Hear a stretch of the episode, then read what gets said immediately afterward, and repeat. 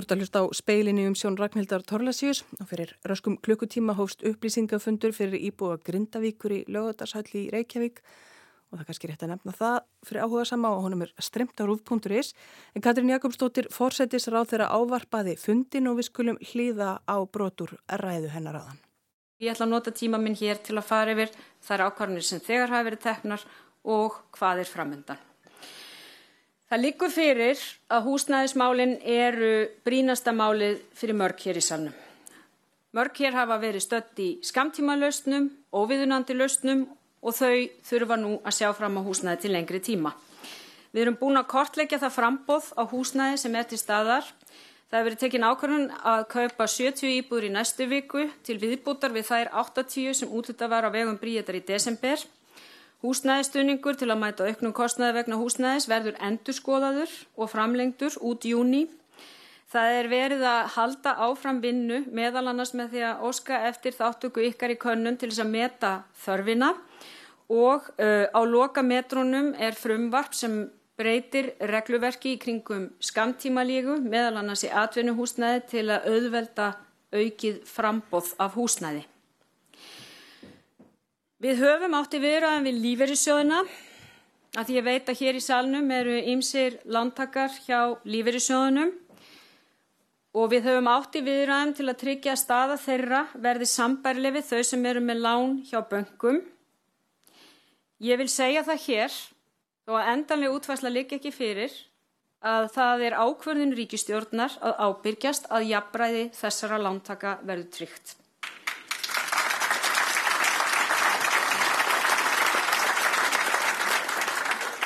Vinna náttúruhamfara tryggingar Íslands var langt komin fyrir helgi við að meta tjón á egnum í Grindavík. Nú þarf að endur meta þá stöðu og meta tjónu upp og nýtt. Ég veit að þau munu vinna hratt og örugla. Sankant mínum upplýsingum sem hulda sem situr hér í Patbóri getur farið betur yfir og eftir verður farið í að gera upp allt tjónshús í lok þessarar viku. Það er hins vegar fleiri atriði sem fólk hefur áhyggjur af og á fundi með bæjafuttrum í morgun komu fram áhyggjur vegna mögulegst tjóns af völdum frostskemda. Við erum að skoða sértækar aðgerðir vegna þess. Við leggjum einni mikla áherslu á að línur í þeim málum sem varða uppgjör á tjóni skýrist fljótt. Því eðlilega, og ég hef afalust fengið tölvubrið frá mörgum ykkar hér inni þó ég þekk ykkur ekki endilega í sjón, þá vill fólk fá sína stöð á hrein til að geta tekið ákvörðun um næstu skref bæði til millilangstíma og lengri tíma. Við erum að skoða möguleika úræðum til lengri tíma þannig að uh, hvað er í raun og veru hægt að gera til að veita grindvikingum stuðning til að byggja sér upp heimili til lengri tíma á nýjum stað á meðan þessar aðstæður vara. Þá var einni tekin ákvörnum um það í dag að frumvarp eru lagt fram um rekstra stunning við fyrirtæki Grindavík í næstu viku. Markmið er að tryggja áframhaldandi verðmætasköpun og virka atvinnustar sem á svæðinu. Stunningu til greiðslu launa verður framlengdur í þið minsta út júni eins og húsnæðistunningur. Ég vil líka nefna sálrænan stunning sem skiptir höfu máli því við erum á erfiðum stað þegar við stöndum í því að hafa áhyggjur af fjármálum okkar, fjölskyldun okkar, vinnun okkar. Í því tilfelli eru þetta mikilvægt að fólk standi saman eins og þið hafi gert, leiti hvert til annars, hugja þeim sem standa einir, hugja þeim sem ekki hafa mikið neti kringu sig, skipti mála að taka vel út um börnin sem núna eru auðvitað víða dreifð En það sem við ákváðum að gera í morgun er að setja líka stóra aukinn kraft í þann stuðning sem verður í bóði fyrir íbúa grindavíkur. Það er ekki einlaust sem hendar öllum í því. Þannig að undir fórustu heilbriðisráðanetis, félagsmálaráðanetis og ment- og batnamálaráðanetis verður unni með almannavörnum í því að breyka þann stuðning. Nú við munum eiga fundi með fórustu fólki stjórnaranstöðunar síðar í vikunni til að, og ég veit það að alþingi verður samstiga í öllum þeim aðgerðum sem eiga að styðja við grindvikinga. Það hefur verið fullur einhugur á alþingi Íslendinga. Þar eru engar línur um stjórn og stjórnar andstöði í þessum málum. Allar okkar áallanir miðast við það að við höldum áfram að verja byggð í Grindavík. Saði Katrín Jakobsdóttir, fórsættisráþara.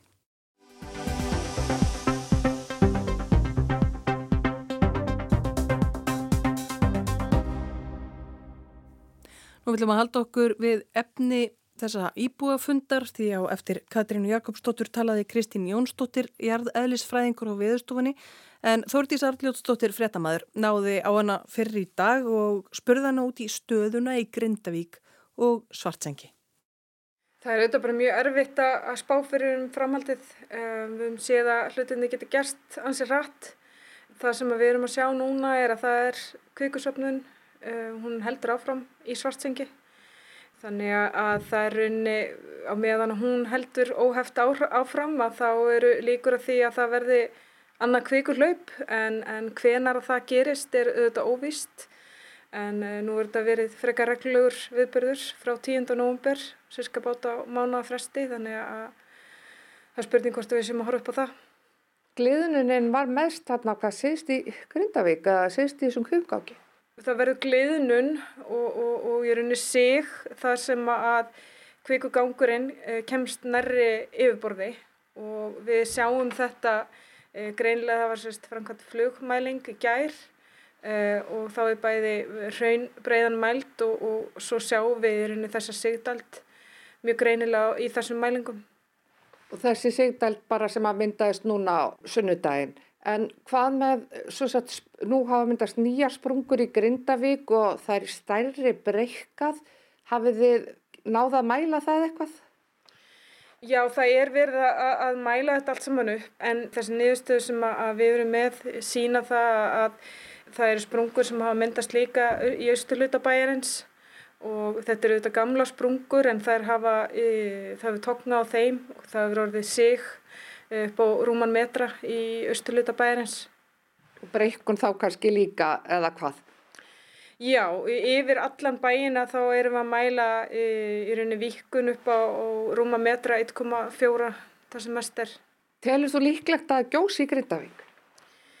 E, úr því sem komið er þá finnst mér nú óleglegt að það gerist eitthvað alveg allra næstu dögum. Eh, það sem er auðvitað líklegast að, að gerist núna í framhaldinu er að það eh, verði áframhaldandi kvikursöfnun undir svartsengi og svo er bara spurning hvort að hún verði nægt til þess að það verði aftur kvikulaup en þá búist við því að það var aftur inn í kvikugangin og svo bara spurning leipir það til norðus eða til söðus og um þetta er auðvitað bara mikil óvisa. Landrýfsið í svartsengi, var það hraðar núna heldur en var fyrir gós?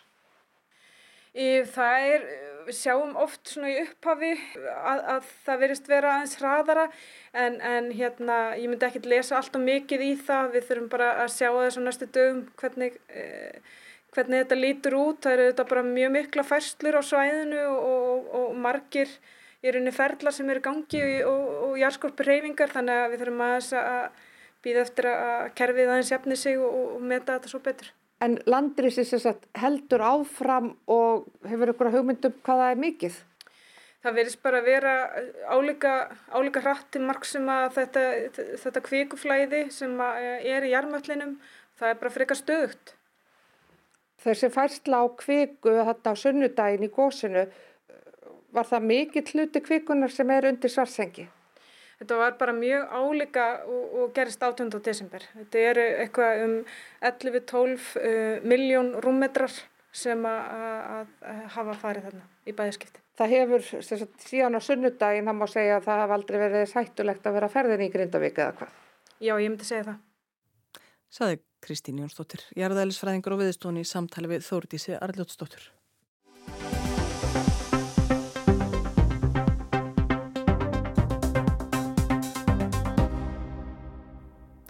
En fyrir í dag rætti ég við Hulduragnæði Árnadóttur, fórstjóra Náttúruhamfara tryggingar í Íslands og spurði hana hvort hún vissi til þess að það hefði orðið mikið meira tjón á eignum í bænum í hamfjörunum um helgina. Samkvæmt þeim upplýsingum sem við höfum þá eru talsverða líkur á því að það hafi bætt talsvert í, í það tjón sem var þegar orðið á eignum fyrir að það hafa orðið talsvert mikla breytingar á sprungum nýri bæ auk þess að maður náttúrulega tjónið vegna eldgósins er líka talsvert. E, ertu þá sérstaklega að tala um náttúrulega þau hús sem örðu fyrir hrauni, er það fleira sem eldgósið sjálft? Við eigum eftir að átt á því hvaða áhrif það hefur haft á veitukerfið. Það er ljóst að þær eru einhverjar. að það hafi lagnir farið í sundur hjá fólki og, undir húsum og eitthvað slikt? Það er hinnlega bara vitum ekki en við vitum auðvitað að það flætti hraun á lagnir sem að leiða inn í bæin og, og þetta á allt sem bara eftir að skoðast betur þegar að verður örugt að fara inn á svæði til þess. Fólk hefur haft miklar áhugjur af því ef að það fyrir að frjósa í lögnum ef að það er ekki heitt vatn á bænum. Nú hefur tekist að koma heitu vatni á hlutabærens en hvernig er það ef að það frýs í lögnum heyrir það undir náttúru hamfara tryggingar sprungnarlagnir í húsum? Sko á þessari stundu hefur í rauninni ekki verið framkant neitt mat á því hvort og þá hvernig tjóni er og það er svona erfitt að draga álöktanir um mögulegt tjón. Og eins og þetta er núna þá þurfum við að horfa bara allt í víðar heldur en á það nákvæmlega hvert lögbundi hlutverk náttúrulega tryggingar Íslands er, það er bara verið að skoða þetta þennan atbyrði í heilsinni líka bara á vettfangi stjórnvalda þannig að það hvort að eitthvað nákvæmlega fellur undir skilgrinningu laga um náttúrulega tryggingu Íslands eða ekki er kannski ekki akkurat það sem skiptir mestu máli í augnablikinu heldur eru við að vinna þetta saman á, á stærri vettvangi og með fleiri aðlum. Þannig að þú ætti að við að náttúruhanfara tryggingar gætu þá bara bætt það sem að eiga lögum samkvæmt að bæta en svo er, er mögulega að verða að hugsa um eitthvað stærri pakka sem að þið komið ekkit að þetta. Já, ég með halda að við getum í sjálfur sér sagt að það sé staðan eins og hann er núna. Segðu mér eitt, Höldaræknaður, er náttúruhanfara trygging Íslands endurtryggð? Já, við endurtryggjum okkar áhættu á erlendum mörgum og það eru týjir erlendra endurtrygginga fyrirtækja sem að deila með okkur ábyrði í stórum atbyrðum. Þannig að vissulega erum við með baktryggingu þar á svona stórum atbyrðum. Hvernig virkar þetta? Hvað er, er ykkur sjálfsábyrð og er ykkur hámark? Og... Já, það eru til margar útgáfur af endurtryggingarsamningum en sá samningur sem er í gildi hjá náttúranfæratryggingu virkar þannig að þegar við erum komin yfir 10 miljardar í einu tjóni þá taka endurtryggjendur við upp í 55 miljardar hámarki eftir því hvernig atbyrður eiga sér stað. Þannig að það er semst 45 miljardar vernd sem við kaupum á erlendum markuðum og þá tökum við aftur við þeim kostnæði sem er umfram það. Veistu hvaða verðmið er komin á tjónið í Grindavík nú þegar? Fyrir gósið núna, hvað voru þið búin að meta að tjónið væri mikið? Við vorum ekki komið með nákvæmar fjárhæðir en við vorum búin að vera að gera áallanir sem að, að miðust við það að við værum einhver staðar kannski á bylunu 6-7 miljardar með talsvert miklum svejanleika vegna ótilkynntra tjóna og ef að í ljós kemur að skemmtir eru meiri heldur en það sínast í fyrstu og svo framvegist þá getur orðið breyting á því en en uh, það er ekki ólíklegt að við höfum farið yfir þennan 10 miljardar múr núna um þessa helgi. Höldaragnar, hvinnar getið þið farið að skoða þetta? Uh, ertu þá að meina þau tjón sem að bættist við Já. um helgina? Það er rauninni ekki fyrir bara að svæði verður orðið örugt þannig að, að það sé talið óhætt að senda fólk inn á svæði til þess að fara í tjónamatt í hús en við auðvitað nýtum tíman sem við höfum núna til þess að vinna að öllu því sem við getum unnið að en það er alveg ljóst að þetta hefur áhrif til senkunar á þeim tjónamötum sem við vorum langt komin með sem er mjög miður. Og það getur náttúrulega verið að þau hús séu meira skemmt núna, er það ekki? Það er það sem við þurfum í rauninni að gangu skuggum á verðin að hægtir að fara að kynna niðurstöður og tjónamötum.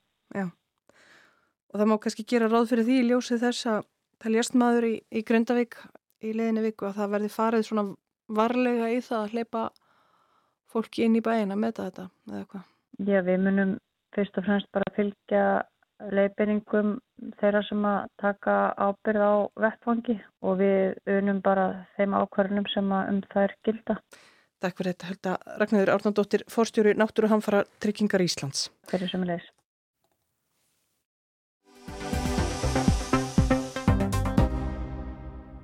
Þótt Donald Trump fyrirverandi bandarækjafórseti eigi yfir 90 kærur hangandi yfir höfðið sér kom það ekki veg fyrir að hann vann í gerðkvöld samfærandi sigur í forvali republikana í Iowa um frambjóðanda í fórsetakostningunum næsta haust. Hann var að vonum hinn gladasti þegar nýðurstaðan lág fyrir í gerðkvöld. Hún kom reyndar engum á óvart. Við ætlum að setja bandaríkinni fyrsta sæti. Við ætlum aftur að gera þau mikil. Iowa, við elskum ykkur, sagði Trump meðal annars þegar hann fagnaði sigri í höfðborginni Des Moines í gerðkvöld. Hann hlaut rúmlega helmingatkvæða á yfir 1600 kjörmannafundum við svegarum ríkið.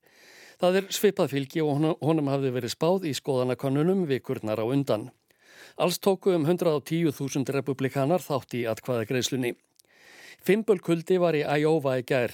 Frostið fór í 20 steg og mikil vindkæling gerði fólki erfitt fyrir að vera á ferðinni. Þar af leðandi mættu færri til kjörmannafundana en fyrir fjórum árum og frambjóðundurnir þurftu að aflýsa nokkrum frambóðsfundum. Ron DeSantis, ríkistjóri í Flórida, fekk um það byrja 30% stugum minna fylgi en Donald Trump. Hann endaði 21%. Þar á eftir kom Nikki Haley, fyrverandi ríkistjóri í Söður Karolínu og sendi herra bandaríkjana hjá saminuðu þjóðunum í valdatíð Trumps. Hún náði 19%. Langt þar á eftir kom kaupsíslumadurinn Vajek Ramaswamy.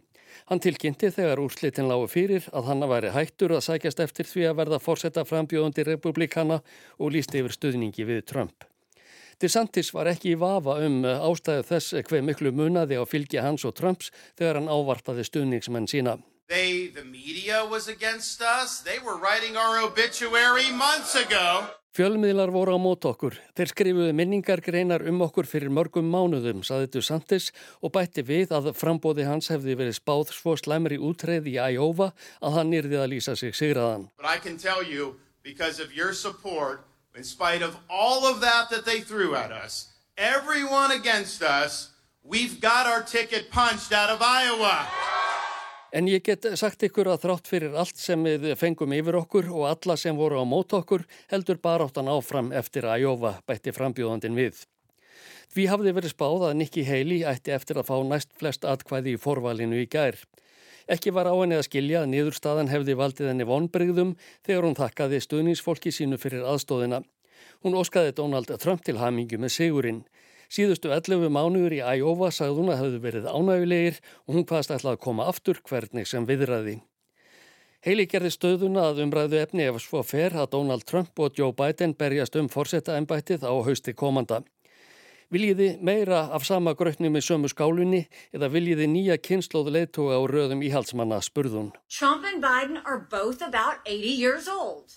Trump and Biden both put our country trillions of dollars deeper in debt and our kids will never forgive them for it. Trump and Biden both lack a vision for our country's future because both are consumed by the past Trump og Biden er um það bil áttræðir að aldrei, saði Nikki Haley. Þeir hafa skuldsett landið okkar en biljónir dollara og börnin okkar eiga aldrei eftir að fyrirgefa þeim það. Trump og Biden skortir báða framtíðar sín vegna þess að báðir eru þeir heldteknir af fortíðinni. Nýðurstaðan í gerðkvöldu tryggir Donald Trump 20 kjörmenn fyrir flokksþingar republikana í Milwaukee næsta sumar. Ron DeSantis fekk nýju og Nikki Haley átta. Nokkrir stjórnmálaskýrendur sem hafa tjáð sig um niðurstöðuna í ægúfa eru ekki í vafa um hver Sigurvegar í gerðkvöldsins hafi verið. Sigurvegarinn í kvöld, það var Joe Biden. Hann á eftir að fá anstæðingin sem hann kýs helst að mæta, saði Mike Madirit, eh, politískur ráðgjafi republikana og samfélagsmiðlum.